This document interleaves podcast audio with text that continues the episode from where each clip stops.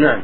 إذا نفست المرأة ثم طهرت في عشرة أيام ثم بعد ذلك بأربعة أيام رأت السفرة أو الكدرة.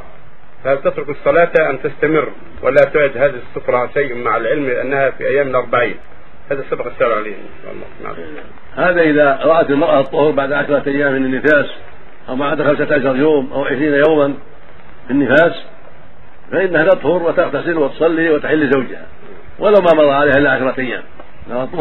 طهرة كاملة ماء أبيض أو احتشت بقطن ونحوه وخرج نظيفا فإنها تغتسل وتصلي وتصوم وتحل زوجها ولو أنه مضى عليه إلا عشرة أيام أو خمسة عشر يوم أو عشرين يوم لا بأس.